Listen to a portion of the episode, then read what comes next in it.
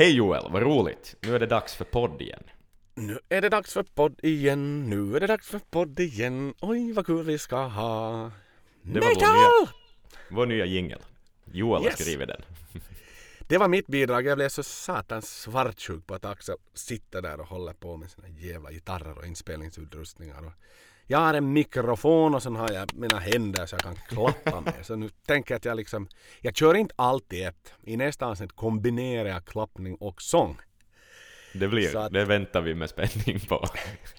Det är ganska avancerat faktiskt. Det, du vet, det, det finns en anledning att det är väldigt få trummisar som sjunger backing vocals för att det är svårt att hålla takt och tro och sjunga samtidigt. Precis. Exakt. Nico har aldrig haft en mick. Även om, även om kanske Steve också sjunger hellre än väl. Ja, när det kommer det, till det. Så är det. Han har nog inte världens bästa röst.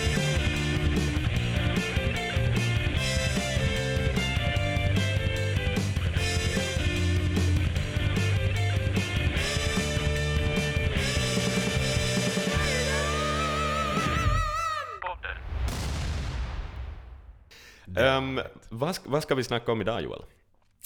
Nå, idag tänker jag att vi ska, vi ska faktiskt inte prata musik på det sättet utan vi, vi ska prata om en film. Vi ska bli, bli filmrecensenter.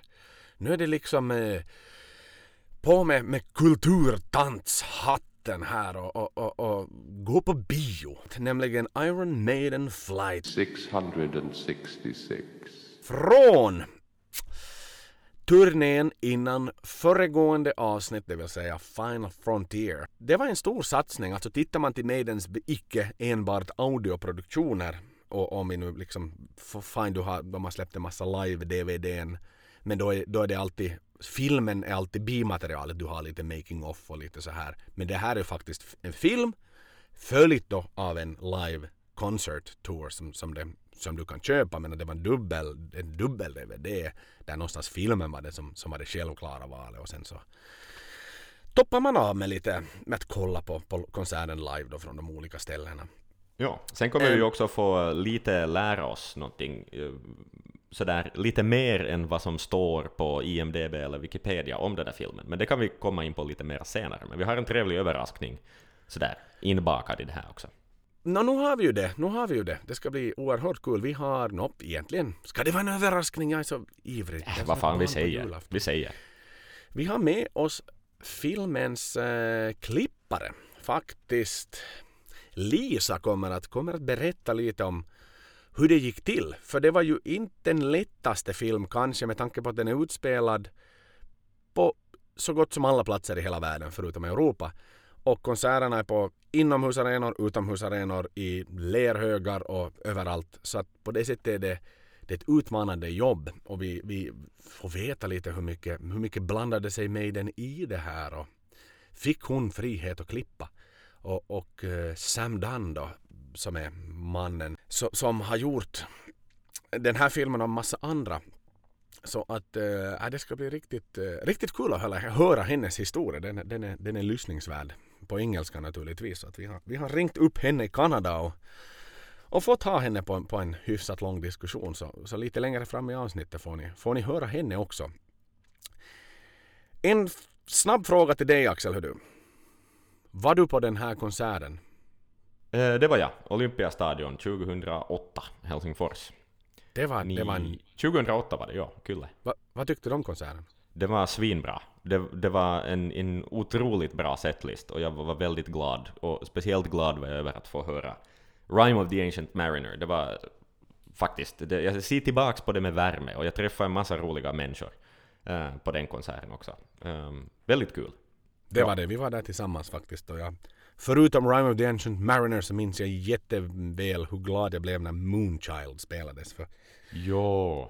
Det är en sån här exotisk låt som jag... Ja, den är så jävla rivig också. Ja, kul. Och så tycker jag att den är så elak. Den, den texten i Moonchild är så elak.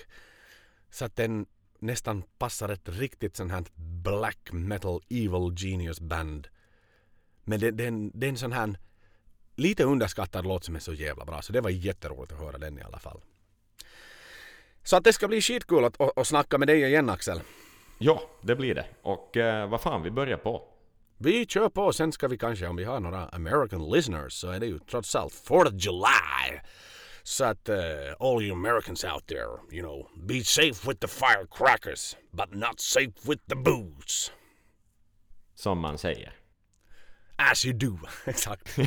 jag, jag höll på att fastna i det där engelska, att vi skulle ha en internationell podd. Men det Mm. har vi ju i och för sig inom Norden. Ehm, en fråga så här eh, som jag ännu tänkte ta, ta innan vi börjar. Mm. Har du följt med Bruce frisyr? En del. ehm, den blev kort i något skede, men jag vet inte riktigt vad som hände däremellan. Nej, för nu säga. håller den på att bli lång igen. Jaha. Han hade ju redan under um, Legacy of the Beast-touren då i, i både Stockholm och Helsingfors så, så är den liksom så här eh, nacklängd. Den, Mm. den liksom lägger sig över öronen i alla fall. Och nu har han då låtit den växa ut på gamla dagar så nu kör han faktiskt eh, hästsvans. Hå? Jag såg en intervju då när han hade blivit, blivit hedersmedborgare så då körde han liksom, han började ha riktigt, som man säger i Finland, heavy letti på nytt. Jaha. Ser du? Bara att de är en sån här grå, någonstans en sån här proper-grå naturlig färg. Ja men det är sant, Så jag sitter i något av de här ölrelaterade marknadsföringsgrejerna som de har gjort, um, deras öl, uh, så har jag sett att det liksom, väck- det, ja, han går inte till frissan lika my- mycket mera i alla fall. Nej, jag tycker det är så Ja. fint. För han har ju någonstans haft sin...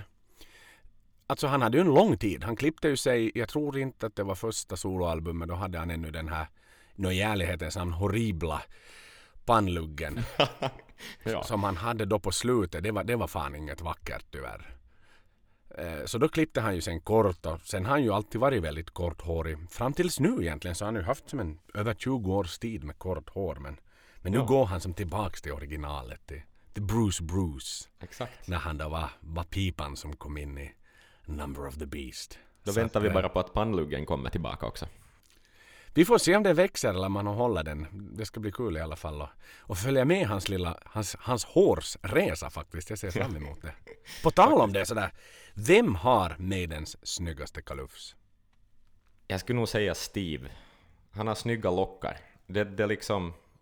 Det har alltid sett bra ut och det ser bra ut fortfarande också. Ehm, jag vet inte om han färgade eller inte. Ehm, men i alla fall är liksom tjockleken och, och det där svallet eh, är kvar som i ungdomen, tycker jag. Mm. Ja men jag håller faktiskt, han har ju som Hans hår har en jävla värdighet. Det, det är någonstans, det är mycket balsam och tror jag sånt här. För det är ganska glansigt och det hade Ja. alltid varit. Än idag som sagt då. Han måste ju nog färga det skulle jag säga. Det kan inte vara sådär brunt. Nej. Kanske så att, sen tycker jag faktiskt att, eh, att Janik har, det är lite vildare sådär. Men det är ändå fortfarande ganska fylligt. Lite som en lejonman. Ja, det är liksom... Både Steve och Janik ser liksom ut som coola hårdrockare. Sådär Ja, på ett sånt där arketypt sätt. Yes, så som sagt och, och det som är lite spännande här, vi har sagt och vi svor redan i, i, i föregående avsnitt. Det vill säga mm, Final Frontier, att vi ska inte vara kronologiska. Men nu, nu går vi lite bort från det här konceptet för att det här är ju faktiskt det som hände strax innan Mm. Final Frontier nämligen. Att man, man gjorde den, den här massiva turnén där man eh, egentligen gav fansen den stora, största heydays som man gav dem på 80-talet. Man Mm. gjorde en, en revisited tour och eh, jag vet av erfarenhet att det fanns en viss skepticism hur den skulle mottas. Mhm. För att Bruce enda kriterie när han då kom tillbaka till, till Brave New World till bandet var att eh, det här ska inte bli ett nostalgikerband. Vi ska inte, jag kommer inte hit för att spela gamla låtar utan jag kommer hit för att vi ska skapa ny musik och vi ska ta bandet framåt. Och eh, det finns faktiskt en intervju där i filmen Eh, när de är i Toronto i Kanada så frågar den här radiohosten eller vem det nu är som intervjuar Bruce liksom att okej så det här är liksom en sån här nostalgikerturné nu när ni liksom får, får ha det lite kul och tänka tillbaks på gamla goda tider och, och då blir Bruce riktigt eh, sur. Han, han blir riktigt lack på den här journalisten och säger att, att så är det inte. Vi gör hela tiden ny musik och, och då vet vi ju nu med facit på hand att Final Frontier låg ju bara ett väldigt kort, kort slag fram i tiden då. Men att eh, vi gör det här för fansen, för de som, eftersom fansen oftast faktiskt föryngras för Maiden. Det är inte liksom gubbar som blir äldre och äldre utan det är yngre fans som står där längst fram och, och, och som aldrig hade sin möjlighet, så som jag och du till exempel, Precis. att vara med på, på, På på 80-talet. Mm. Powerslave-tiden. Så att vi får då möjligheten att lyssna på Rime of the Ancient Mariner som vi annars aldrig kanske skulle få möjligheten att se hela den här inramningen. Nej, exakt. Så att det är en sån här eh, intressant side story eller egentligen en, en del av den här podden också att det, det kan upplevas som att jaha okej easy money nu får de att spela gamla goda sånger och Ja. det kräver inte så jävla mycket ungefär blåser dammet av de här backdropparna som har legat och spökat i Precis. 30 år men, men, men det är ju ett enormt koncept då och sen då såklart man sen tar man det här till nästa nivå i, i, i form av att man har flygplanet. Ett eh, gigantiskt projekt nu och någonting som eh, i alla fall i filmen liksom den, de tynger mycket på det att, att det är liksom någonting som inte riktigt har testats på för i rockhistorien att göra någonting på det här sättet. blanda, blanda då grejer med personal och, och allt ska in i ett plan. Alltså det var ju jätteprojekt och så som, som Bruce pratar om i filmen att det var ju liksom inte innan då dagen de skulle åka som de fick sitt slutgiltiga tillstånd att faktiskt eh, åka upp i luften med, med, med flygplanet. Jag har lite basic facts om filmen om vi vill, vill titta på det Vi kör. så här eh, lite, lite mer ja, helt rätt fram fakta. Mm. Den grundar ju sig då som sagt på Somewhere Back in Time-turnéns första del. Det vill säga det som hände innan Final Frontier. Filmen är gjord av eh, Sam Dunn, Scott McFadden som tidigare har gjort en film om Motorhead, The World Is Ours, de har gjort en film om Rush och eh, Metal A Headbangers Journey som jag tror att de flesta har sett och också Metal Evolution The Series och eh, de har verkligen liksom gått in på det här med att kartlägga metallen och, och Mm. speciellt den här Headbangers Journey har jag sett många gånger. Så att jag menar de, de är ganska kreddiga. Ja, faktiskt. Är Kreddiga en bra film. En bra film. Är en eh, skitbra film, Journey. Ja.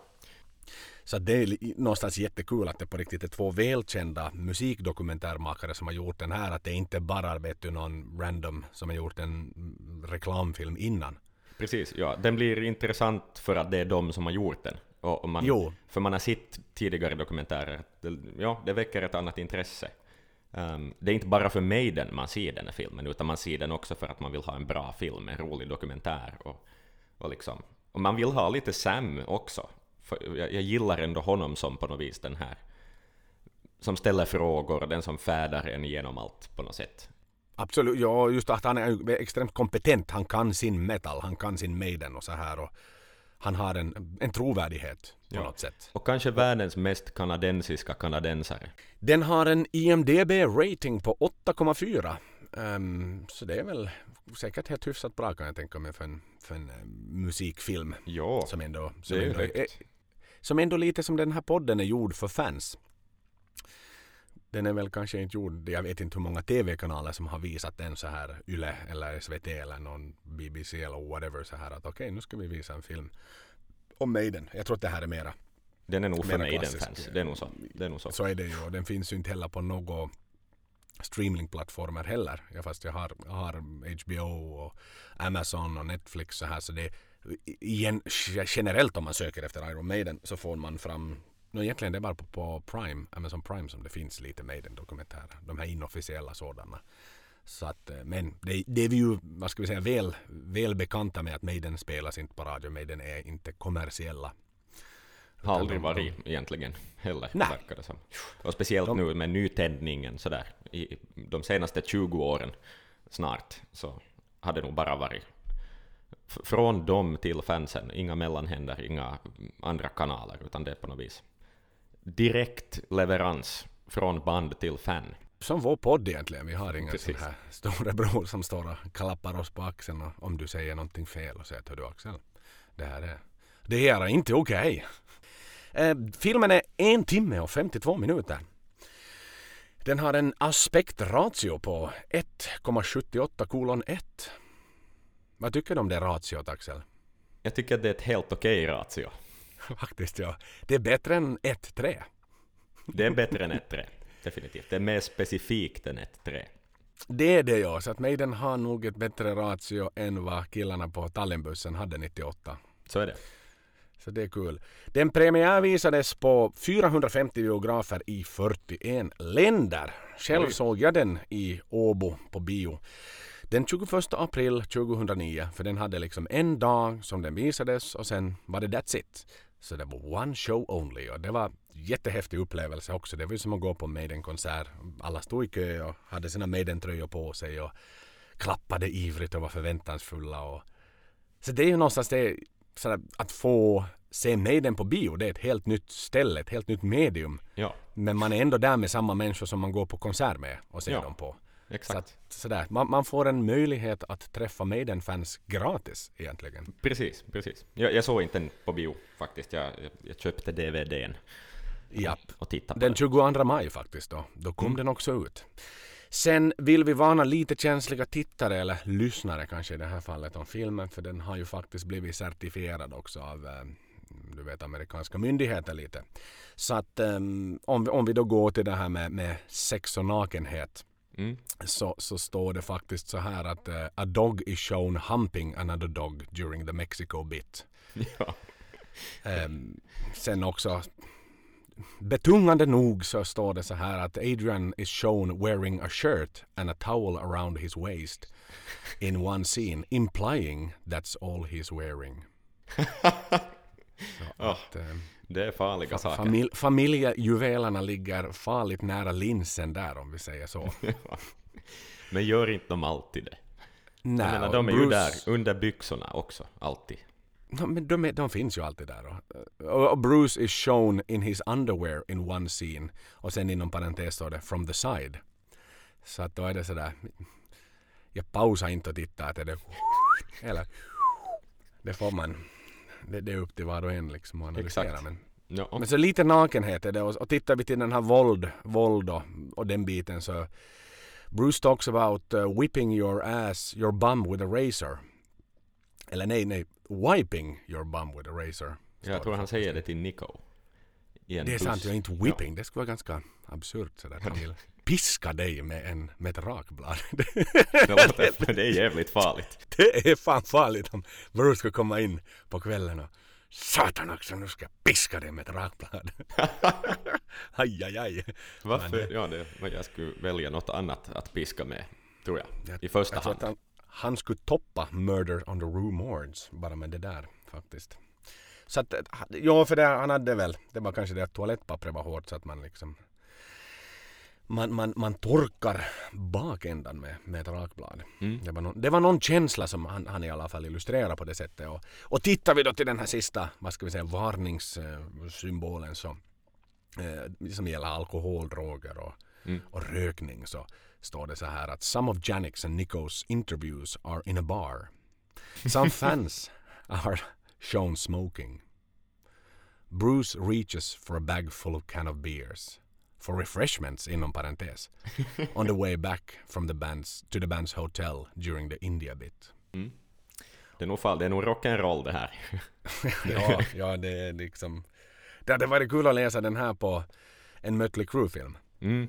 Ja, det, ja det, faktiskt. Det är ganska Det- snällt det här. Ja. Och dessutom var det väl så att det var alldeles för lite öl, om inte jag minns fel från Jo, filmen. de hade fem öl för fem personer i en timmes bilresa.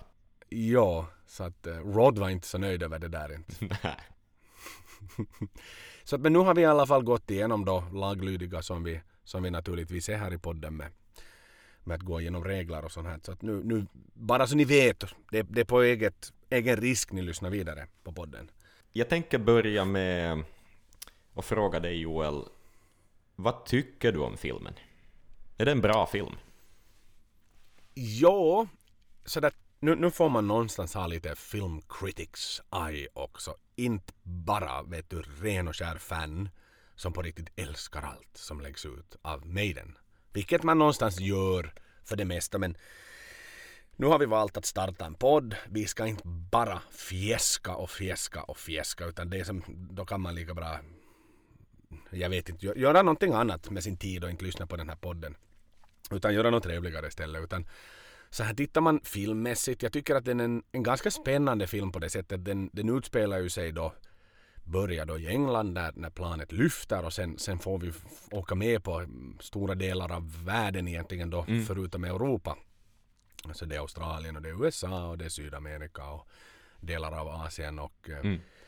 Som då är liksom med i den här filmen. Så det är ju spännande på något sätt så här, nästan ur ett resereportage Precis. aktigt lite att vad, vad äter de och vad dricker de och på vilket sätt tar de sig till och från konserten i det landet och, och så här. Och, och lite fansen av den biten att, att det är ju jättespännande att den är ju helt klart gjord för fans den här filmen.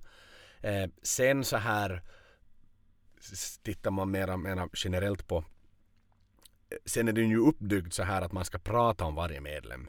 Ja, exakt. Alla bandmedlemmar pratar om en medlem i sin tur då, som ju är lite en sån här en klassiskt igen lära känna mig den lite bättre. Det tycker jag blir lite fjäskigt.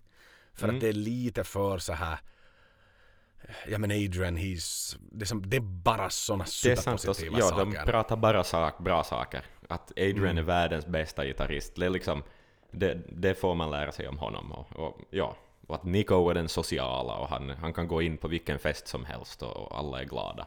Typ. Och, och sådär. Ehm, Mm. Det är sant, ja. Det blir lite fjäskigt. Man skulle kanske vilja se en mer mänsklig sida av dem.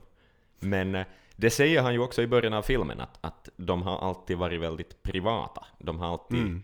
velat dölja vissa sidor av sina liv för offentligheten. Och, och där blir ju den här filmen lite sådär, de- den är liksom lite halvt, halvt där och, och, och kittlar lite på, på dem som personer. Men, men det är ändå Men- nog en fasad i vägen på något vis. Det är ju det. Man, in- inte det är så att man, man kommer ju inte riktigt in dem på livet.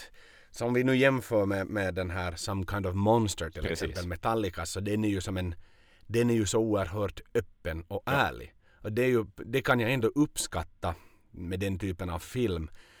Sen är det, den behandlar ju då de facto det här, liksom Kind of Monster behandlar en, ett, ett väldigt specifikt ämne och område Ja. då i form av att de har en kris uppenbarligen och de behöver liksom komma över det hindret för att komma vidare och då kunna fixa skivan så att säga. Men den här är ju mer en sån här men lite någonstans Rock in Rio DVDn har ett avsnitt på CD, DVD 2 som heter A Day in Life. Ja, med Och alla någonstans- medlemmar. Mm. Exakt, och, och där Adrian går och fiskar och Jannik köper en kokosnöt på stan och Steve spelar fotboll, Bruce står och fäktas. Eh, Nico och Dave spelar golf. Så egentligen är det här som en mycket, mycket längre variant på A Day in Life. Ja, de gör ju typ så det. Det är ju det, Det de gör. faktiskt exakt. Adrian fiskar faktiskt inte i Flight 666 en Nej. enda gång tyvärr. Men, men de är och spelar golf. Och de liksom, spelar alltid ja, golf. Ja. Och Janik sticker väl- iväg för sig själv. Och eh, Adrian spelar tennis, det gör han. Ja. Ja, det gör han ja. faktiskt. Ja. i Men någon. Wimbledon-vinnare. Någon champion, ja. Ja. Där de, när han gör ett dåligt slang så hotar de att det här ska vi ha med i filmen. ja, just det. så blir han lite grinig kanske. Sådär att fan ändå. Ja, men där igen också sådär att, att de, de verkar vilja ha lite kontroll över filmen. Att Mm. de har inte helt släppt in dokumentärmakaren för att göra sitt jobb, utan de, de håller nog lite någon sorts distans ändå. Mm. Det gör de ja. Så att, eh, men men det, det får vi väl liksom, vi får väl finna oss i och ha det med i bakhuvudet någonstans Mm. också när vi i den här filmen på något sätt att det, det, det, vi kommer aldrig att slippa in på livet. Samma är ju faktiskt när man läser Bruce, Bruce bok. Vi kan ta den vid ett annat separat avsnitt när vi, Ja. när vi diskuterar hans självbiografi. Men, men till exempel han nämner inte ett ord om sin familj eller sin, sin, eh, sina fruar som han har haft utan och det står här samtidigt så står ju ganska klart och tydligt i början att den här kommer att fokusera på min karriär och på mig Mm. men inte människorna runt om mig. Så jag tror att det är ett sätt de är bara sådana och egentligen som person är jag faktiskt själv lite likadan. Jag, jag bjuder inte alltid riktigt. Jag, jag har ett sånt här skal som jag vill för min del hålla slutet för det. Ett sårbart skal egentligen som jag är lite rädd för att öppna. För att det finns risker med det där också.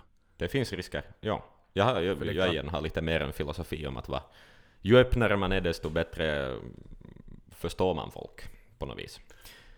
Men, då ska det ju vara mm. på mutual terms och då ska Så de andra också vara öppna för då kan du inte vara den enda som står och liksom öppnar upp dig men så får du inget tillbaks för då blir det liksom en då, då kan det plötsligt vara användas mot dig. Det blir en Det är risk. För oftast finns det ju mycket svagheter med där. Ja, Som- så som man kanske förstår jag, att förstår ju nog bandet på det viset att man har, de har säkert dragit en linje i något skede att liksom, våra familjer är, privata saker och eh, så är det är ju ingen, no, Steves döttrar eh, De är intervjuade, de är med i filmen, men, men, eh, men inga fruar eller något sånt kommer till tals. Var det nu inte till och med på den som eh, Lauren de facto var förband? Ja, det var det ju. Det var det ju, faktiskt, ja. Är jag Det var den 90% turnén. säker på. Jag är också säker på det, faktiskt. Men vet du vad Axel? Jag vill inte prata om Lauren Harris Nej, alls. nej, vi ska inte göra det. För att jag är rädd för att då svävar jag iväg till ett väldigt mörkt ställe och pratar om saker som jag kanske kommer att ångra. Nej men då vi skippar det, vi skippar det i så fall. Ja, Ja. hemskt gärna. Hemskt Det, gärna. det, är det är Maiden-podd och det är inte Lauren Harris-podden. Den här gången. Nej, nej, och jag tror att vi kommer aldrig att göra ett avsnitt om Lauren Harris faktiskt. För det var... Ja, jag vet inte, jag, jag blir väldigt obekväm när vi ens... Att det råd, nu är det jag som tog upp det här, men när det kom upp. Jag tycker att det... När vi stänger den dörren nu. nu. Nu drar vi inte ut på det här mer. Vi går vidare. Vi går vidare Tack, istället. Jag märkte att du Tack, var på väg Axel. dit. Mm, Vi går vidare med filmen. Ja. Eh, Adrian så här tittar vi då initialt. Han var ju inte så pepp och han är ju ganska öppen med det här om att han eh, han ville inte flyga med roadiesarna. nej. Han vill ha sitt eget space. Att det blir och, och så här under filmens gång. De är ju ganska högljudda och bröliga och Crew är jag. Ja.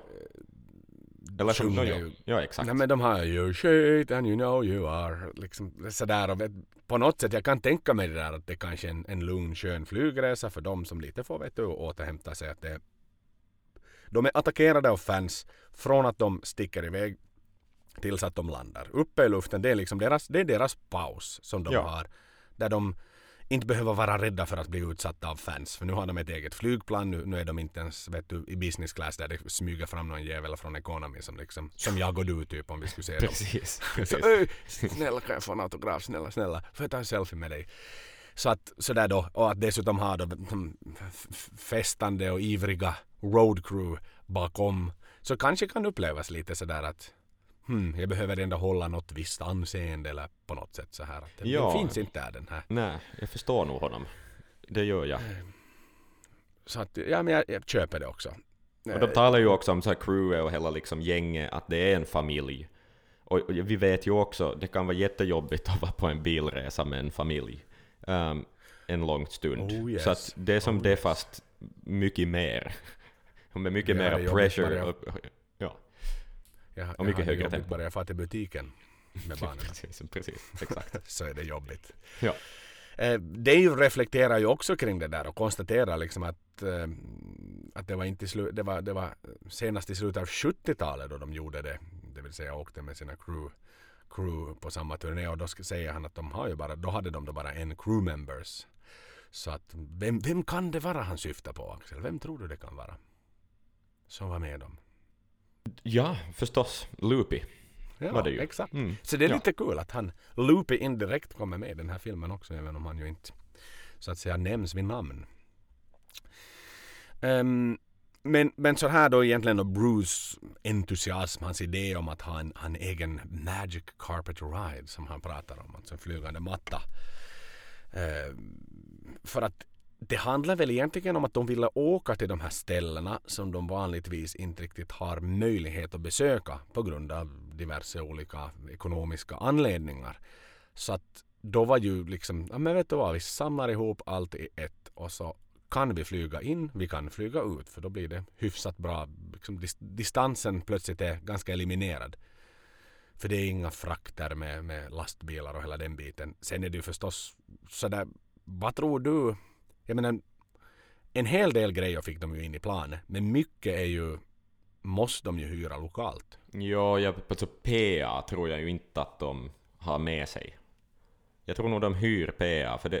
Jag vet, alltså flygplan är ju stort, men det är ju, människorna tar ju upp mera kvadratmeter i det där planet än vad, vad grejerna gör. I alla fall då man ser skissen av hur de har packat. Mm. ja, Um, no, det är väl är det ungefär en tredjedel av planen kanske som är då cargo Ja. hold. Så att det, jag tror att det är backline alla instrument förstås och det här och sen eh, säkert ju- just stage props och, och liksom alla skynken och alla Hur är det med ljusriggar och sånt? månne inte hyrs också. Jag kan nog Mm. tänka mig. För det, det, det, det måste ju vara onödigt att ta med i och med att det finns överallt. Ändå. Ja. Nu, nu är det ju så. nå- Nu är det ju så. Så på det sättet nu kräver det ju på ett sätt jättemycket att allt, att den här listan ska vara så komplett och då säkerställas för varenda konsert. Och speciellt här är de ju på lite mer mystiska platser också och spelar. Nu i Mumbai till exempel att okej att ha faktiskt local vet du, management där förstått att det är just den här typen av lampor vi ska ha, rökmaskiner etc. etc. etc. För Ja, det är nog jäkla mycket liksom. Arrangemang, det är det nog. Ja, och sen den där bambuscenen. Exakt. I- Var det, var det i Mumbai det? Det var i Mumbai och den var gjord av bambu.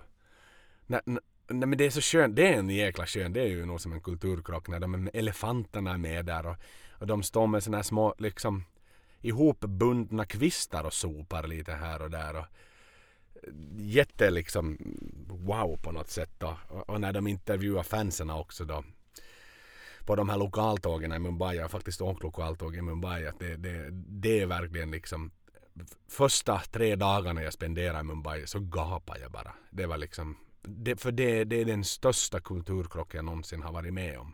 Jag skulle vilja prata lite Axel om, om flygplanet om du tillåter mig göra Ja. det. Vi kan prata flygplan. Ja. För det är faktiskt någonting som jag delar lite med Bruce, en fascination för flyg. Trots att det är kanske lite tabu idag. Jo, du följer sådana här YouTubers som gillar flyg. Ja, ja Vet jag jag. tycker Mm. jättemycket om det. Ja. En, en kille som heter Sam Chui som, som tittar på, han är en aviation enthusiast som Mm. vi kallar oss. Här vi är ju. Jag är inte bara en, en, en maiden-människa utan jag är också en, en aviation enthusiast. Och någonstans sådär, lite lustigt nog så passar det ganska bra ihop med maiden.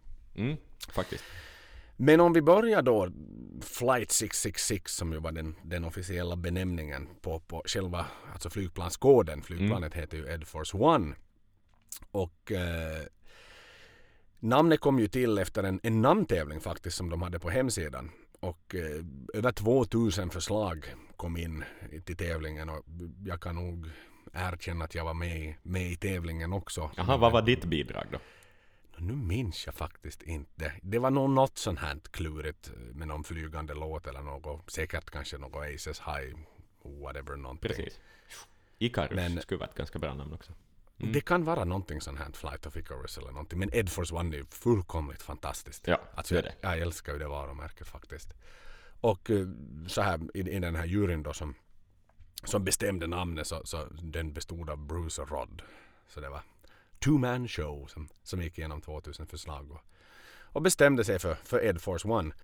En liten lustig anekdot faktiskt gällande Ed Force One. Det har ju då fortsatt sedermera på andra flygplan också under, under senare turnéer då under Book of Souls när de hade sin, sin 747. Så finns alla medlemmar i fanklubbens namn med på, på eh, magen av flygplanet. De har liksom printat in det väldigt finstilt. Så att eh, jag, mitt namn var med under hela, hela världsturnén. Nej men vad fint! Wow! Det här hade jag ingen aning om. Vad roligt. Mm, så det är en sån här liten rolig anekdot som är en jättefin sån här. Jag minns den med värme för att det är som en appreciation. Så här. Jag har varit med på varenda konsert. Även om jag då uppenbarligen som person inte har varit det. Men, men mitt namn har varit där under när Bruce har flugit. Det är fint. Det är jätteroligt. Det var ju en sch- schysst grej för fansen.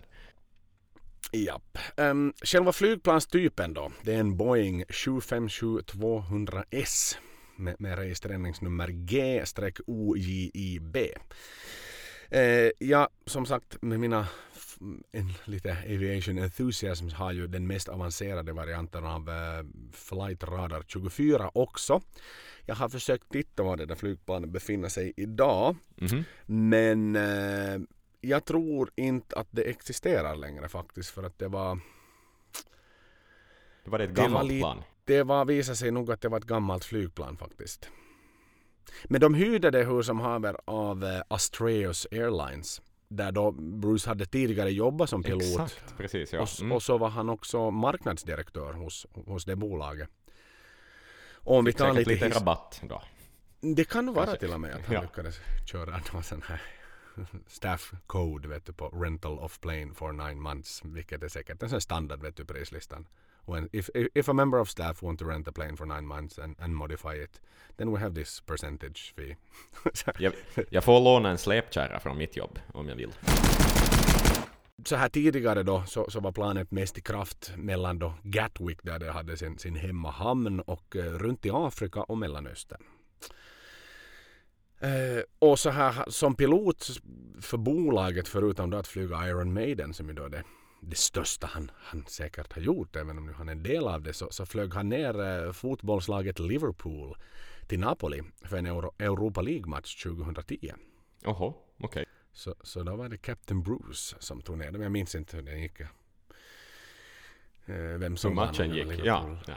Liverpool eller Napoli. Om det var ett glatt eller ett dystert Liverpool han flög hem. Eh, bolaget då, Astraeus Airlines, de avslutar sin verksamhet i, i november 2011 och, och eh, då efter det så, så leasades Ed Force One av eh, den amerikanska transportjätten FedEx den 1 december 2011. Och, och då var det redan 30 år gammalt flyg. Och ska vi säga att idag så ett flygplan har en livslängd på ungefär 30 år och äldsta flygplanet då egentligen som, som i, i, kraft nu en, en 747 som togs i kraft 1970 och togs ur bruk 2017. Så det, är liksom, det var det, det äldsta flyget som har funnits mm, så att säga haft sin aktiva tjänstgöring. Dock var det inte i kommersiell, kommersiellt bruk på slutet utan då det användes då av, i, i, i något annat. Ofta är det ju så här att de blir sen fraktplan efter att de har gjort sin tid som kommersiella flygplan. Mm -hmm. Mm -hmm. Mm. Så att därför gissar jag att det har blivit plockat i bitar idag och inte syns på någon flight radar app. Um, det har också flugit under kanadensisk och britt brittisk, spansk, ghanansk, amerikansk och saudiarabisk flagg. Mm -hmm. mm. Så att nu vet vi ganska mycket om, om bakgrunden till, ja. till flygplanet. Kanske sånt som, som vissa är totalt ointresserade av. Men för mig så, så är det lite Men jag spännande. Tror nog, alla har nog förväntat sig att få veta det här. Då, folk som ser titeln på podden så är det så ah vad kul, då kommer jag få lära mig någonting om det där planet podden. Um, nu ska vi ta in en gäst i den här podden, vad kul! Vem har vi Joel? Lisa Gråtenbor. Eh, det är kanske inte så här att ni spontant förknippar henne med Iron Maiden. Inte ens ni stenhårdaste Die Hard-fans. Vet ni vad? Jag säger så här, kan ni namedroppa det här med handen på hjärtat sen när ni träffar mig någon gång säga att Joel, jag visste faktiskt vem hon är. Då kommer jag bjuda er på en dyr öl på en konsert, för de kostar alltid skjortan. Lisa är nämligen filmeditor, det vill säga klippare av filmen Flight 666. Eh, hon är kanadensiska eh, från Ontario hemma, bor i Toronto. Så hon var ju så här med till och med, hon var och tittade på den sista konserten som är med på den här filmen också. Och sen hade hon full makt i klippningsrummet att egentligen sätta tonen för den film och den konsert vi sedan såg. Hon är väldigt, vad ska vi säga, seniorig i klippsvängar och har gjort ganska mycket musikfilmer innan och eh, varit involverad i hela den biten och eh, ja, men det, det ska bli jättespännande att prata med henne. Hon, hon kan sin sak helt enkelt. Så är det, så är och, det. Och um, ja, föra in oss lite bakom det som uh, också inte syns i filmen för den delen och sådär. Uh, och lite sådär. Hon är ju sist i, i högst upp i, i, i näringskedjan på det viset och har, uh, får välja vad som är i filmen helt enkelt. Det är en, en jävla makt att ha. Det ska bli kul att höra. Det ska bli kul att höra. Så att, vad säger du Axel, ska vi plocka in Lisa? Det gör vi. Varsågod och välkommen Lisa, welcome. Hi, this is Lisa Grotenboer, the editor of The Beast. I did film editing for the Iron Maiden Flight 666 film, and you are listening to Maiden Podden with the Brink Brothers. You did editing for Flight 666. Yes. How was it? Was it challenging? It was extremely challenging. With Flight 666, we had a hero song in every country, which was predetermined. So what they would do is they would shoot wide shots and get a lot of the fans in those particular countries. Mm. And then in all of the other countries, they would keep two to five, sorry, three to five cameras going every day, or sorry, every concert. And, you know, they would focus more on medium shots and close ups of the band members. So it was quite, it was a bit of a puzzle to put together. As they started in Mumbai, I was getting footage in as they went to every single country. So Mhm. I kind of had to build everything so that I ended up with about 25 layers of video channel. I Oh. kept all of the individual countries on each channel and I would weed my way through this footage and pick what I liked and just kind of throw it on the timeline.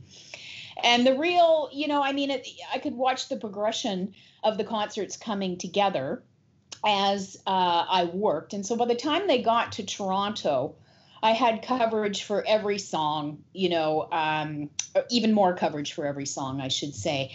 Um, and it was very interesting how it unfolded. I mean, Iron Maiden themselves were, I, I, I'm pretty much in awe of their musicianship. I really enjoyed the process. I really enjoyed their playing and their energy and uh, their professionalism in terms of Nico seems to have the exact same drum beats in every single song and every single performance.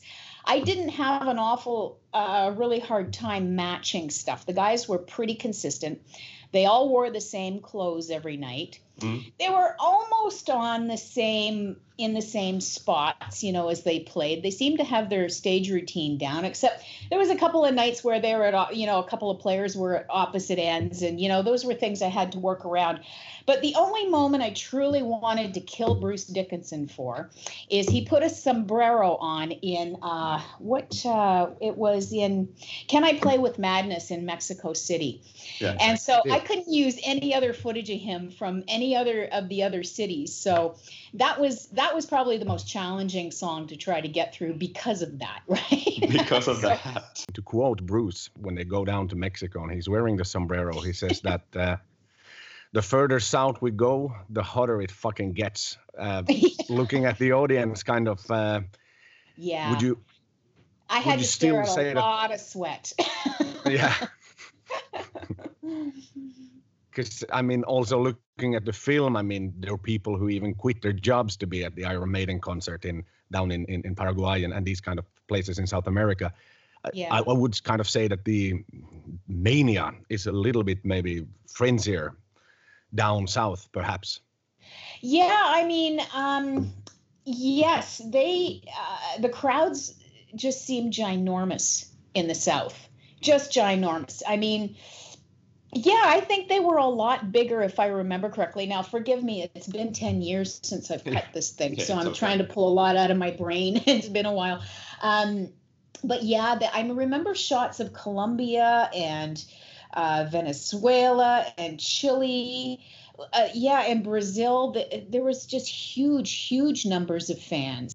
Yeah, so um, yeah, they were very, very passionate, and I will, I, I like, I think all Iron Maiden fans are extremely passionate, um, but the one crowd I was kind of disappointed in was my hometown, Toronto. Oh, they didn't yeah i mean and i'm going to give them shit right now because um they did not this is a have the same podcast. energy or passion at all um, I am not a musician, so I kind of um, I went through the process comparing everything by ear, and then um, Kevin Shirley came to work with me, and I just had an absolute blast with him. He is one of the most fun guys, uh, very entertaining, very knowledgeable. Uh, and he would, um, you know, there was a few things that Sam and I missed as well in terms of, I don't know, a couple of wrong notes here and there. We fixed those. There wasn't very many, um, but we had a great time working together. And what I really dug about this whole process, um, Sam, or sorry, Kevin had given me a premix of all of the hero songs to cut to, right? Because when you've got raw concert audio, you're lucky if you can hear any instrumentation. It's just a bunch of noise, really. So it needs to be mixed. So he mixed all these hero songs. And once we had the cut together, uh, he didn't realize how um, intense the cut was going to feel in terms of the musicianship. It just had such a wonderful live feeling. What he did is he went back into his studio and he sweetened every track to every cut that I had given him. So when we're on, you know, Steve Harris's bass, he would raise the bass a little within those songs, or he would punch up the drums for Nico, you know, or he would enhance the guitar, you know, for Adrian and Yannick and Dave and, you know, all of that. So it really came to life. And um, when I saw the final in the theater, I, I was just kind of blown away.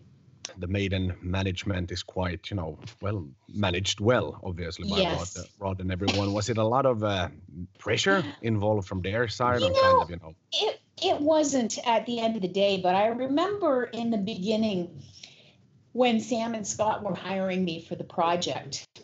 Um, their management, like Steve Harris, has always cut all of their stuff up until this point. Nobody else has ever touched any of their footage. Video before. stuff as well. That's right. Yeah, he cut all of the video stuff. I did and, and they were having a discussion with his their management and uh, their management had said well steve cuts everything. And i think scott's reply to that was okay well why doesn't steve come to toronto and edit the film and i will send my editor out on the road to play bass. How's that? Whoa, that's that pretty. that conversation quickly. Wow, to say that, wow. yeah I fair would never have the balls to do such no, a thing. that's so much guts. and you know i don't blame them questioning now so flash forward six months later uh, we send them our cut and steve was absolutely thrilled the whole band members was they were all really thrilled with the performance they'd never seen themselves quite like this before One final question from my side, at least. Um, what's your favorite Iron Maiden album and the favorite song? It doesn't have well to be i'd from have to say this one i'd have to say you know this live tour flight 666 uh, but my favorite iron maiden song is i think i'd have to say rhyme of the ancient mariner Va, har du liksom någon sorts... ehm, vad har du för favorit? Vad, vad, vad minns du fortast om du tänker tillbaka på, på filmen Flight 666? Har du liksom, är det något guldkorn som sticker ut, tycker du sådär? Bara? Ja, ja, men det är ju spännande när de kommer ner, ner till Sydamerika och, och, och liksom då har de spelat i, i USA gjort turnéer och någonstans, du vet jag, speciellt den här konserten i, i LA. Ja, med massa kändisar. Ja, exakt. kändisar som är Tom Morello och Lars Ulrich är med bland annat. Och han ska och- alltid smyga sig in i varenda jävla musikdokumentär. Han är alltid med, Lars Ulrich. Lars? Ja, han, är alltid, han ställer också. alltid upp. Och Han- det är liksom, ja. Men det är som att han kommer in dit, han är, det är ungefär som att han har hört att Sam Dunn är där och filmar, så han säger okej, måste ju vara med. Ja, ja men faktiskt, och så ligger han så där bekvämt och dricker en öl och, och är sådär självsäker någonstans. Och så då, men där kan jag ändå uppskatta det med, med Lars att han, han liksom admittar ju nog någonstans att Niko är ju nog steget vassare och så jo, här. det är sant. man, man hade så gärna velat se Niko där eh, men han är så gömd bakom sitt, eh, bakom sitt sätt. Så att man ser ju aldrig vad han gör där bakom men det är ju det jag vill ta del av och lära mig. Så att det är ändå så här det en snygg peak. Jag hade liksom blivit rabiat om han hade börjat stå och påpeka liksom att ja men han släpar ju lite. Ja, exakt. Men han skulle kunna säga det. Ja. Månne inte han sa det då kamerorna var av, så sa han säkert det. Mm. Men jo så att, eh, så att igen i Sydamerika för det är ett sånt liksom det blir en sån det är en sån stor nivåskillnad från då det här trevliga ölrickande kändisgänget till då den här prästen som påstår sig vara världens största Maiden-fan som har hur många hundra tatueringar? Det var nog Maiden eller det han har på sin kropp? 150 tatueringar eller någonting. Det var så fruktansvärt mycket. Exakt, ja. Har sin kyrka där han liksom messiar om Maiden också. Ibland. Absurt. Och sen då som sagt, Bruce då säger det där att um, you know, ju, ju lägre ner vi kommer då, desto varmare blir det. Och, och den här killen som har, som har slutat sitt jobb för att han vill gå på konsert. Så att den här liksom fanheten, alltså den här intensiteten av att vara en supporter, den, den blir, den, den är så, så satans manisk. Ja, den är manisk. Jag kan inte, alltså som, jag har jättestor respekt för det, och jag förstår att det är otroligt, alltså, nej, jag kan inte ens förstå hur viktigt Maiden måste vara, och metal, och liksom, ta då då de i Colombia till exempel, just det här de militären är där och håller koll på folk och allt sånt här, att, att leva Och i det samhället. folk. Ja, exakt, och ta bort deras mat då de har köat i en vecka, liksom, för att komma in. Och just i, där finns, tycker jag, liksom, den starkaste scenen i hela filmen för min del, är i slutet av den, då liksom, deras spelning är slut i Bogotá, eller vad... Bogot- Det är ja. Bogotá. Då så filmar de ganska länge ett par som står och gråter. Mm. För att liksom, de, de har ju säkert varit front row, de har antagligen tältat i tio dagar för att slippa dit. Och liksom sitt fram emot det något så fruktansvärt, och sen är det bara slut. Och just Monty Python-sången på, det är som så, jag, fan, jag fällde en tår själv då jag såg på det, för att det blev liksom, där, det, där tycker jag filmen blev liksom mer än bara en musikdokumentär. Att där på något vis lyckades de fånga någonting. Alltså de fångade kärleken för Maiden. Ja, det är sjukt mäktig scen faktiskt. Eh, jag är ju också helt speechless bara du beskriver den. Den scenen är ju den är, den är faktiskt berörande och det är första gången tror jag de spelar i, i Chile överhuvudtaget och de var väl till och med i Colombia förlåt och de var väl till och med lite skeptiska till att spela där på grund av att det fanns så mycket orättvisa. Ja, och poli- polisen har en sån makt eller militären att det är liksom någonstans det kanske inte är sådär moraliskt riktigt roligt att stöda den ekonomin och ge då militären möjlighet att få missbruka sin makt mot deras fans. Ja precis. kan Och säkert sådär med någon sån här Sarajevo i backspegeln också, sådär att, att eh, Bruce då speciellt, det är ju han som snackar om det. Eh, Att det är lite knepigt liksom. Och det förstår jag. Och just det där att om det är en så spänd stämning och det finns det här maktförhållande som, som ändå finns, att, att på något vis att om det skulle hända någonting då de har lyckats samla dit så mycket människor så skulle det ju vara en jävla hemsk sak att på något vis behöva bära skuld för. Och, Defin- ja, absolut, definitivt om det skulle utbryta något tumult som leder till, till dödsfall. Och, exakt. Och just då de här eh, paret som, som står och, och, och gråter. Jag menar de har knappast så mycket pengar heller så de kan inte resa till Brasilien eller till, till andra Argentina, andra ställen i Sydamerika och se bandet utan det här kanske är deras enda chans att se Maiden för Maiden valde att komma till deras land. Att det är faktiskt en, en berörande scen. Ja, ja, och jag tittade liksom, jag såg den då jag var 18 då den kom, filmen. Och visst som tyckte jag att det var fint, men då var jag nog mera fascinerad av hur die hard fans det finns. Men att nu på något vis så börjar jag förstå, då jag såg den nu igen, och det var jätteroligt att se den igen för att man fattar att det finns mer i den där filmen än bara galna fans med mycket tatueringar. Att det finns, Maiden är verkligen nästan religiöst viktigt för en stor del av sina fans. Och jag tycker det är sjukt, alltså det är fint, det är otroligt fint. Eh, och, och samtidigt li, lite knasigt också. Och på något sätt så ger det ju här kanske en reflektion till vårt första avsnitt när vi pratar om vad är en Maiden-fan. Mm. Alltså ofta mäter man det i kanske antal t-skjortor eller antal spelningar man har sett men, men i det här fallet då människor som helt enkelt inte har pengar eller möjlighet eller får visum eller så här varför skulle de vara mindre fans till Maiden för att det kanske är första gången de har väntat i 15 år på att få se Maiden och så kommer Maiden för Maiden kommer inte dit varenda gång. Så det är ju en helt ny dimension till det här med vad är en fan och hur stor är en fan? Exakt ja, det är mer än det där se vad jag klickade hem från Ebay, liksom. Någon gammal turnéposter från 83. Ehm, att det, ja, det finns många, ja exakt, det finns många sätt att definiera ett stort fan på. Och Så är det ju. Så man får någonstans, vi får liksom jag tror att i fortsättningen av podden får vi också tassa fram med en viss ödmjukhet ja, till det här ja, faktumet att faktiskt ja.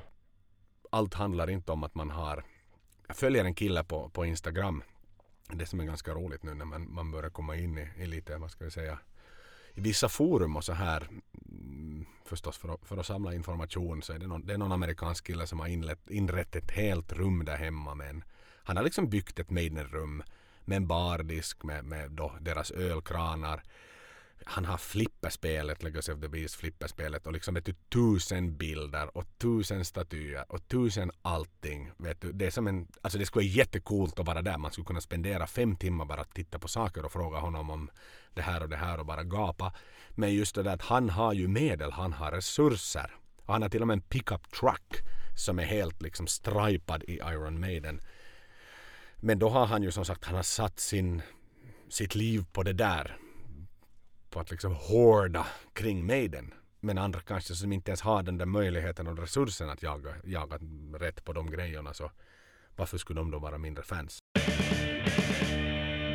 Nej, har du det... själv någon del av, vad ska vi säga, filmen som, som berör dig? Uh, de är i Costa Rica uh, också.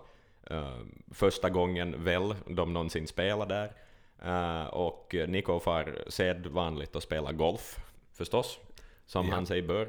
Och så får han en, en golfboll på, på underarmen som sväller upp och det, det är nära att det blir problem, liksom att det skulle göra att han inte kan spela trummor. Och jag tycker ja. att det är liksom, det, det är det mest, alltså ta det i kontrast till de här fansen i Colombia och det de har gått igenom, och så har vi Nico som skadar sig på golfplanen. Ja, det är som så, det är så jävla dajot bara. Ja, den där killen som hade satt upp sig Ja. Och så blir konserten inställd för att Nico har shoppat till den på golfplanen. Det är som sådär... Kom, den stackars killen får åka tillbaka hela vägen till sin arbetsgivare Sorry I quit, there was no concert. I'm here two hours early because the concert got cancelled. Can I have my job back? det, det, det, faktiskt ja. ja. Var, var Rod var ju riktigt besviken över det där också. Stod liksom bara och svettades. Exakt, men, men, det var ju typ så att skulle det ha varit en inch åt ett annat håll den där bollen så skulle det ha liksom kunnat gå, få på någon nerv då eller någonting eller skit sig riktigt ordentligt. Ja, faktiskt. Med sådana aspekter, så om vi är inne på det där med... Jag har faktiskt varit, det var någon, någon av konserterna nu, skulle det vara en Matter of Life and Death-touren kanske, som de ställde in eh, Helsingfors-spelningen, jag tror de ställde in några andra kringliggande också för att Bruce var sjuk. Då kom de ju tillbaka sen vid något senare skede och, skede och, och genomförde. Men, men eh, sådär... Är det, är det otänkbart att om Nikos golfboll skulle träffa sin, sin inch åt fel håll, då är det inställt. Man tar inte in en annan trummis. Nej. Och det är ju... Mm. Jag menar, tar man teater, eh, showbiz överlag, jag menar, nu finns det ju alltid inhoppare eller sådär, en, en mm. musikal, mm. en pjäs, vad som helst. Uh, men Maiden är Maiden, och uh, folk skulle inte tycka om något annat. Alltså, jag vet inte vem det skulle behöva vara för att folk skulle godta att inte Nicole sitter och spelar trummor. Um, men vet, du vad, Maiden har faktiskt haft en ersättare. Jaha. Det var på, på Blaze-tiden när de spelade på söndagsöppet. Jaha, just det. på SVT. Så det finns ett, ett, ett känt klipp på Youtube när det är någon som är istället för Janik där som, som alla funderat, vem fan är det där? Och då är det någon replacement guy. Jag tror att Janik var sjuk eller hur det nu var. Så då var det faktiskt det där stora TV appearance som de hade på söndagsöppet. Vilket är någonstans där det var ju när de var riktigt in the gutter. Ja, hjälp. Alltså det är som att de skulle vara på Bingolotto eller någonting. Liksom. Faktiskt, det, det, är nä, det, alltså jag blir nästan liksom... Jag, jag, tycker synd om när man vet vad som hände sen mm. såklart. Ja. Liksom, nu, är de, nu är Maiden större än vad Maiden någonsin har varit, ja. skulle jag nästan ja. våga påstå. Ja. Men, men att de har varit där nere och fått spela på sådana här jättekonstiga, sån jävla pausunderhållning. Med tanke på deras enorma historia de ändå hade med sig fram till den tiden. Så är det liksom, jag, jag blir som, jag blir otre, liksom väldigt konstig till mods när jag tänker ja, på det. Jag blir inte faktiskt. glad utan det känns som sådär att det här är inte Maiden, det här är så på fel spår och de förtjänar inte här. Nej, nej det, är, det är lågt alltså. Det är, Um, de, kan inte, ju... de kan inte ha mått bra. Alltså, eh, på, det måste nog vara en eländig känsla på något vis. Den det där måste varit ja. det, ja. Och där är ju liksom hela då X-Factor som då kom, kom in och Virtual Elevensan. Eh, vi får prata om den en annan gång men Steve då gick väl igenom en skilsmässa och, och den är ju en jättemörk skiva. Återspeglar den skivan någonstans state of mind av bandet då? Mm. Mm. Då var ju i och för sig då Blaze var nyrekryterad så någon slags vet du, så här på nytt födelse borde det väl kanske finnas en sån här framtidsoptimism att okej okay, nu har vi det har varit mycket groll med Bruce och så här och Bruce har då äntligen, eller äntligen och äntligen men han har då till slut valt att gå vidare och nu har vi då landat i att ta, ta Blaze, Blaze som replacement. Så då, men ändå är den så mörk den här skivan och, och så här som att, som att det kanske ändå inte finns någon autentisk, genuin glädje i det. Nej, nej, precis. Ja, Kanske det och det är kan ju vara. liksom kontrasterade då till, det kan nog vara, alltså just sådär att se hur jävla galet det är i den här filmen med, med de här fansen. Alltså, och de är ju själva också, då de kommer till, till då, Colombia, var det, alltså just den där liksom kilometers långa tältköer och saker. Alltså att folk, jag menar det är ju, hur fan reagerar man på sånt? Att, att se hur mycket folk tycker om det man gör. Jag, jag vet inte liksom. Kan, lyckas man hålla en distans till en sån sak, undrar jag.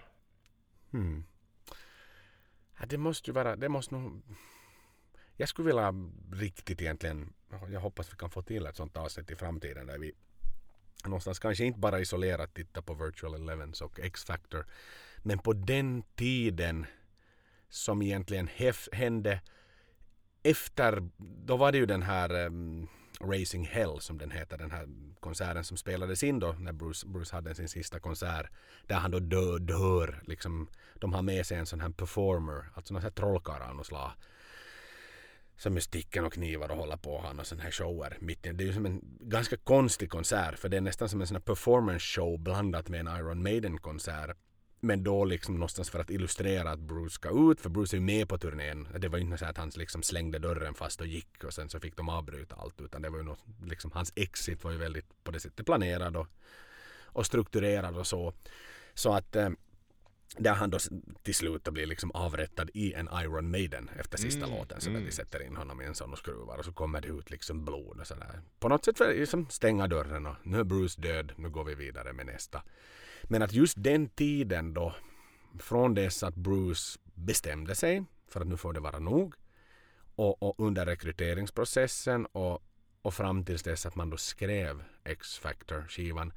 Det skulle vara en jätteintressant tid och då skulle vi jättegärna skulle träffa människor som var involverade i den tiden. Att vad var det riktigt och, och hur var självsäkerheten där? För någonstans om vi tittar till Final Frontier som vi pratade om tidigare så, så pratade vi om att vi kanske inte, de kanske inte hade din, sitt självförtroende när de gick ur studion efter Final Frontier för Nej, de blev exakt. lite bortglömd. Precis. Men hur kan det då ha varit då?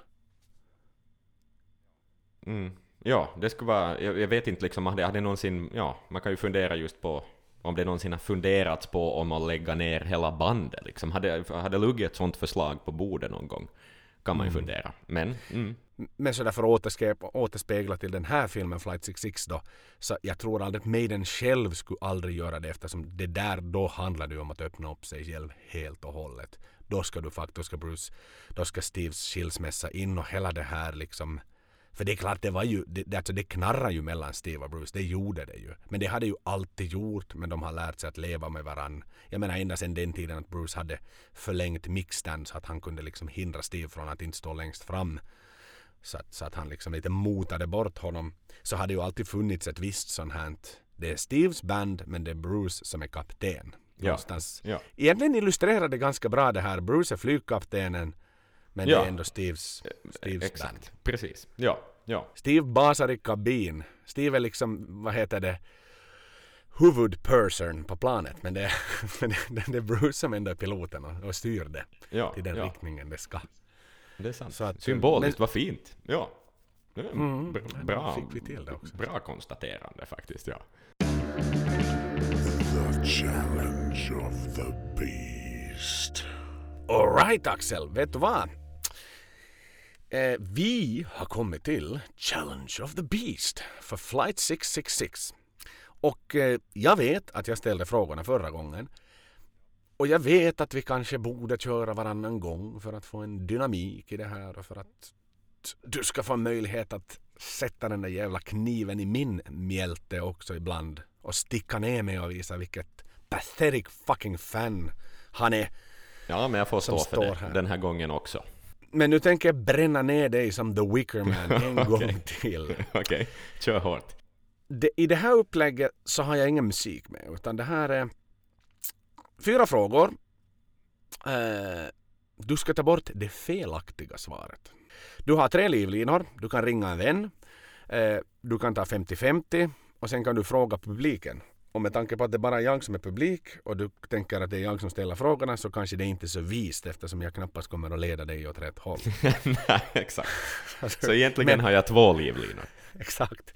Så use them wisely. Är du redo för fråga ett? Jag är väldigt redo. Maiden har gjort en del B-side covers under årens lopp av mer eller mindre välkända ursprungsband och artister.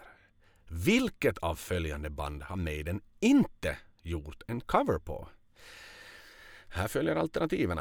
Led Zeppelin, The Who, Judas Priest, Thin Lizzy och UFO. Um, UFO har de... Jag kan inte med säkerhet säga, men de har nog gjort en cover av UFO. Av de här så känns det som att de inte skulle vilja göra en Priest-cover. Så jag, jag, jag går på en magkänsla, bara. En ren och skär gissning. Jag säger Priest. Helt rätt! Faktiskt helt rätt. För Zeppelin så gjorde de Communication Breakdown Ah, ja, det är sant. Kul. med Bruce på sång. Eh, För The Who har de gjort My Generation med Blaze. Eh, Thin Lizzy så gjorde de en cover på Massacre och då var det också Bruce som sjöng. Och eh, UFO, den såklart eviga låten som vi alltid hör så är ju Dr. Doctor som de de facto också gjorde en cover på och då var det på Blaze-tiden man gjorde en cover på den. Ser du? Mm, bra, okej. Stark öppning.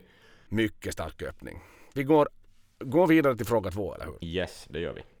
Maiden har spelat på alla kontinenter förutom Antarktis. I alternativen gömmer sig dock en vit fläck på världskartan. I vilket av följande land har Maiden faktiskt aldrig spelat i? Mhm. Okej. Indonesien, Vietnam, Island, El Salvador, Litauen eller Malta? Jag tänker gissa här också. Eh, och jag ser väl ingen anledning till varför de skulle ha varit på Malta. Faktiskt. Okej, ja. Nej men på något vis. Det känns som att ingen far till Malta. Nej, jag säger Malta. Aha. Vietnam. Ja, Fan. Jag, jag skulle kunna använda en livlina också. Vietnam. Vietnam. Okej, nej men politiskt, ja, tog- jag, kan förstå, jag kan förstå att de aldrig har spelat i Vietnam, nu då du säger det. Jag borde ha tänkt lite mera. Men då Mm. använde du en livlina så då blev det rätt. Okej, vi, vi kör på det. Mm. Ja, för du fick liksom revise previous answer och säga Vietnam efter att jag hade sagt Vietnam. Då det räknas det ändå som rätt. Okej, okej. Det tycker jag också. Så om vi går igenom då. I Indonesien spelar de faktiskt två konserter i Bali och Jakarta 2011 under eh, Final Frontier World Tour. Eh, Faktiskt när jag var på Bali i tiderna så ville jag fara till den här konsertplatsen som de hade spelat på men det var ändå liksom 40 minuter med taxi och, och, och det resesällskap jag hade med var inte så jättetaggad att spendera en halv dag för att se ett grönt fält där Maiden hade spelat för jättemånga år sedan. Nej, jag förstår det. Jag Men det förstår hade ändå varit någonstans sådär. Ja. Bara för att vara där och känna vibbarna. Eh, som sagt, Vietnam har de inte spelat i. På Island har de spelat två gånger. Eh, I Reykjavik båda gångerna. 2005 under Eddie Rips Up the World Tour och 92 under Fear of the Dark-touren. El Salvador, El Salvador. Eh, där var de så sent som under Book of Souls-touren 2016. Ser du? Okej. Mm. Precis. Och Litauen, samma konsert 2016, Book of Souls, första gången i Litauen. Ser du? Och på Malta då som du gissade som felaktigt svar så var de faktiskt 1998 under Virtual Elevens World Tour. Okej, den fick de. Nå, lite sådär Bingolotto Malta, det kanske faller lite i samma kategori faktiskt. Exakt. Mm. Ehm, nästa fråga, näst sista frågan. Iron Maiden har haft en del album som tagit sig hela vägen upp till första plats på den officiella brittiska Billboard-listan. Men ett av albumen som jag kommer att läsa upp har inte tagit sig upp på plats ett. Vilket? Seventh Son of a Seventh Son, The Final Frontier, Power Slave, Fear of the Dark eller The Number of the Beast. Um jag, skulle, jag, jag, tänker, jag tänker chansa vilt igen, men jag tänker resonera lite först. Jag tänker Number of the Beast var ganska tidig. Ja, visst, de har slagit igenom större än med skivorna före. Men är de så stora så att de når så högt med den? Alternativt tänker jag då på med f- Final Frontier. Du har, jag menar men tittar Vi vi talar om att den liksom Dark, gick lite obemärkt. Jag ska inte leda det någonstans. Ja. Du kan ta 50-50 bort. Nej. Om du står mellan... Jag, jag, drar, jag drämmer till, jag drämmer till med Number of the Beast faktiskt. Bara Okej. av att den är ganska tidig Mm. i deras karriär. Mm. Tyvärr, Jaha, okej. tyvärr. Där var det. Där var det. De stod faktiskt då i Number of the Beast, den här dokumentärfilmen, BBC gjorde ju några sådana här Classic Albums, DVDs i tiderna. Och då kommer det ju fram av en av de här storyna att de stod och liksom skuffade på en turbass som hade gått sönder i Schweiz när de fick informationen om att skivan de facto hade nått första plats hemma i England. Ser du? Ja, vad fint. Um, Seventh Son är också en numero uno. The Final Frontier är också en numero uno. Fear the Dark är också en numero uno. Men Power Slave pikade bara på plats två. Vilket är extremt osannolikt egentligen om man tänker. Nå ja, men det är också en andra plats. Det är ju ändå svinbra. Förstås. Så är det ju, jag har inte koll nu på det, så det kan, kan ha varit extremt hårda konkurrenter som kom ut just då. Sista frågan då Axel. Okej, okej. Jag, är- Att, jag är med. att Maiden gör långa och många världsomspännande turnéer, det är vi alla bekanta med. Och vi har redan klurat ut i vilket land Maiden inte har spelat i. Kan du peka ut vilket av följande turnéer som inte hade över 100 konserter? Alternativen är följande. The Book of Souls World Tour, The X-Fact Tour, Brave New World Tour, No Prayer on the Road eller World Slavery Tour. Jag tänker... Um, X-Factor. Ganska fjantigt namn på en turné. Men eh, Jag tycker det är lite då tänker cheesy. då tänker jag att de måste spela jävligt mycket. Faktiskt. Om, just sådär, om det nu var då alla möjliga småställen och sånt också. Så den, den definitivt... Det där har de spelat massor. Eh,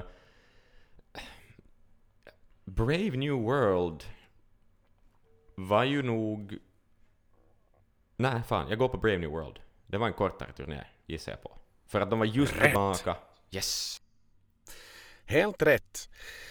Om vi går igenom The Book of Souls World Tour. Så här, jag hade resonerat som så, men jag inte hade haft facit på hand. Att okej, grabbarna blir äldre. De sätter inte liksom, vet du, varje dag konsert och en, en dags paus i veckan. Utan det är lite utrymme mellan och så här. Men eh, samtidigt var den stor. De hade sin 747 och de kunde nå egentligen överallt. Och de kunde ta lite tid på sig. Så den hade 117 spelningar totalt. Helt rätt som du resonerade i X-Factor. De fick turnera utav bara satan för att säkert tjäna pengar och någonstans Ja, vet du, få folk att inte glömma bort att Maiden fanns. Nu är det liksom, nu behöver vi fan, då Virtual Eleven sen då följaren så for de till och med till Malta liksom. Nu, nu, nu får vi fara runt bara vad fan, vem som svarar telefonen bokar oss. Det, vi behöver inte vänta på Ullevi stadion eller Olympiastadion eller Moskvas liksom, jättearenor utan nu, nu tar vi det vi får och så bränner vi på som bara tusan. Eh, helt rätt som du sa då med Brave New World Tour, den hade 81 spelningar. Och eh, det kan någonstans tilläggas att Bruce återvände redan inför, inför och då gjorde man The Ed Hunter Tour med 28 spelningar. Innan man sen ganska pronto då gick in i studion, spelade in Brave New World och begav sig ut på en, på en världsturné. Så att på det sättet hade han redan haft turnéer i, i Maiden 2.0 när han, när han återvände. No, no Prayer on the Road kvalade in just över. Den hade 106 spelningar. Och uh, World Slavery Tour, som ju då är den längsta spelning de, eller längsta turné de någonsin har gjort, hade 187 spelningar. Herregud. Och så på andra plats kom The Beast on the Road Tour med 184 spelningar. Det var nog jävligt mycket också. Så att det är ju en alldeles massiv. Men du hade i alla fall eh, tre. Eftersom vi gjorde att Vietnam blev rätt så blev det tre av fyra. Yes. Så det är ändå bra. Så, som pris Axel ska du få en all inclusive VIP pass meet and greet with merchandise inclusive package charter tour till Sabaton Open Air i Falun. Satan. Nej, Jag har redan, jag har redan köpt den. Nej. Joel. Jag tänker lägga ut, nej. Jag tänker lägga ut den någon, jag tänker bränna upp skiten. Tänker jag göra. Ja. Du, kan inte, du, du får inte sälja den. Nej, nej, nej, nej. den ska inte gå till någon. Det ska vara en människa mindre där på grund av mig. Ja, ehm, jag tror vi har avhandlat den här filmen ganska klart. Vi har plockat de mest berörande bitarna ur den, vi har belyst dem lite. Um, känns onödigt att gå in liksom på något vis på låt för låt, på något vis konsertrecensera, då vi ändå kommer att tala om musiken i, i andra sammanhang. Liksom. Vi snackar ju skivor uh, för det mesta, och där går vi in på djupet med det. Uh, men det har varit spännande, jag har fått lära mig mycket, Joel. Jag har fått lära mig om flygplan, jag har fått lära mig om klippteknik, Ehm, allt möjligt kul. Ja. Ja, ja, men det har varit jättespännande så här och som sagt det har varit lite av ett annat avsnitt. Vanligen så är det mycket musiken i fokus och, och medlemmarna någonstans och så här år, året och som gick men, men eh, nu, nu har vi satt på oss filmhatten och en reflektion så här inte för att avslöja någonting om, om, om det men Rime of the Ancient Mariner som vi pratade om i, in, i introduktionen som du då hade som ett speciellt minne från den här konserten när vi såg dem i Helsingfors.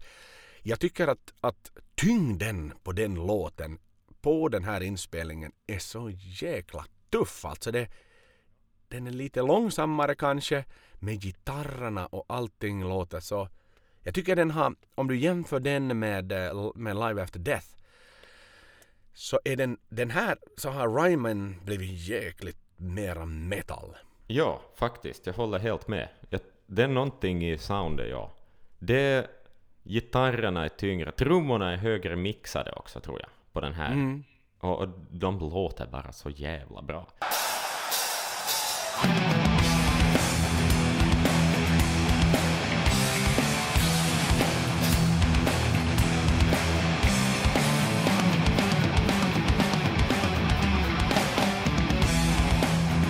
Och som vi ju lärde oss då också under intervjun så det är ju Kevin då naturligtvis som har Kevin Shirley som har mixat ljudet eh, så han är ju väldigt välbekant med hur Maiden ska låta. Så det är väl också en bidragande faktor. Han var ju inte med på den tiden såklart när, när Powerslave spelades in. Då fanns inte han i bilden men, men han har fått sätta sin, vad ska vi säga, nymodiga, moderna, nutida Maiden-stämpel på soundet live också. På de äldre låtarna. Vilket jag tror att ger en viss nyans. Ja, så är det. Det, det låter bara modernare. Alltså, ja. Det är också en ganska kul skillnad hur, vad, vad sound kan göra åt en låt. Jag menar, det är ju Mm. samma toner och samma riff, men eh, den, är, den är tyngre, helt klart. Ja. Och sen har de ju nog spelat den lite mer också, sen 80-talet. No, kanske i och för sig inte. De har inte spelat den sen dess, live. Men de har ju nog lärt sig den. På, med, kom in med kanske en ny infallsvinkel i den och sådär. Mm. Sänk Så är det ju. tempo lite. Ja. Så är det ju. Så att de ska hänga med. Nej men filmen, avsnittet, det är ett intress- jätteintressant avsnitt att göra. Och eh, som sagt filmen är ju, underhållningsvärdet är väldigt högt i den och det man får ta del av, del av medlemmarna så här. Man kan ju det som fan någonstans. Det är kanske lite mera för icke Die Hard-fans om man säger så. Ska vi säga det som sades om människorna, det visste jag. Om vi säger så här. Jo, jo, jo, definitivt. Jag tyckte det var det kanske roligaste med att se filmen är nog det där arrangemangsbiten av det. Att lite lära sig hur, hur får man en sån här turné att funka och, och på något vis. Uh, det tycker jag var kul. Att få följa med lite. Och så crewet för den delen är roligt att se att de lyfts fram också. Um, det, liksom, det, för de förtjänar ju väldigt mycket uppmärksamhet egentligen.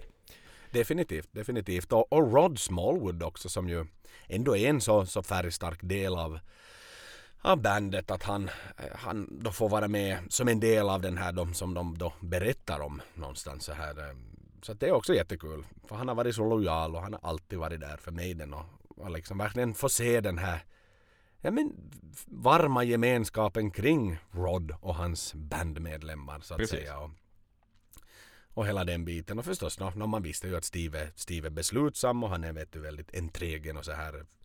Han, har han lite fritid så går han och jobbar. Han går inte på golfbanan utan han vill gå och mixa och titta och hålla full kontroll eh, över det här. Det som var kanske en, en intressant, det som jag tar med mig från det här avsnittet var ju när att de var så modiga mot Steve eftersom då som Lisa sa att Steve har klippt alla videon fram tills dess själv och Ja. haft liksom final cut rättigheter på det och att han då ville någonstans vara inblandad i klippningen att de lite kom och, och sa att ja men att vet, Steve har ju klippt allt hittills nu och sen då liksom bara med jävligt mycket balls sa att Nej men vi skickar Lisa ut och spelar bas på turnén då så får du komma in här och klippa. Det är nog, det är jävligt bra. Men då, där ligger nog, det finns nog en underliggande irritation i det, att man kommer till det stadiet att man säger det åt Steve. För då har han nog varit där och nosa, alltså på riktigt också. Han har nog gjort dem lite irriterade. Det har han nog ja. Det har han nog så här att har de ändå fått ansvaret och skrivit på kontrakt. Okej nu är det vi, vårt bolag Ja. som gör den här filmen. Då ska vi fan med göra den här filmen också. Då ger vi inte över något. Och, och med tanke på att nu editing rights är ju någonstans. Det ju, du kan klippa bort allt. Det är ju där allt händer. Ja, allt kan exakt. du filma. Men vad du väljer Ja. att klippa in det är ju det, är ju det som styr vilken film det blir. Så Du är ju att, eh, högst upp, i, högst upp på något vis i, i näringskedjan sådär eh, filmproduktionsmässigt då du sitter och klipper. Det är ju en massa människor som har gjort en massa hårt jobb för att du ska sitta där med det där materialet och veta vad det är och så får du göra det. Eh, Exakt, ja. Grym makt. Så man sätter ju stämning för hela saken, den som klipper. Ja, så att Lisa är ju en influencer av allra högsta grad i slutresultatet av, av den här filmen.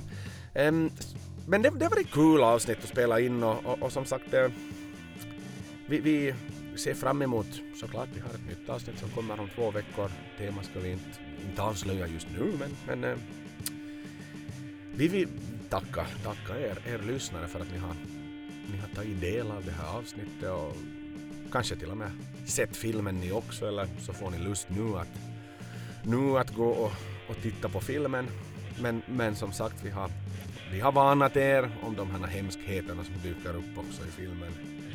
Med, med tobaksrökning och pubscener och att Och hundar som hundar som har samlag. Ja, exakt. Precis. österbottniskt rakt på. Hundan pippar.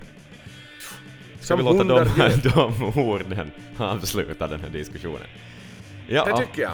det gör vi. Vi säger eh, Bon Voyage som Matti Nykänen kanske skulle ha gjort. Och så sätter vi oss i flygplanet och, och far iväg. Så gör vi. Ja, ja. Ehm, ja, vi hörs om två veckor igen. Det gör vi. Tusen tack Ja. till er.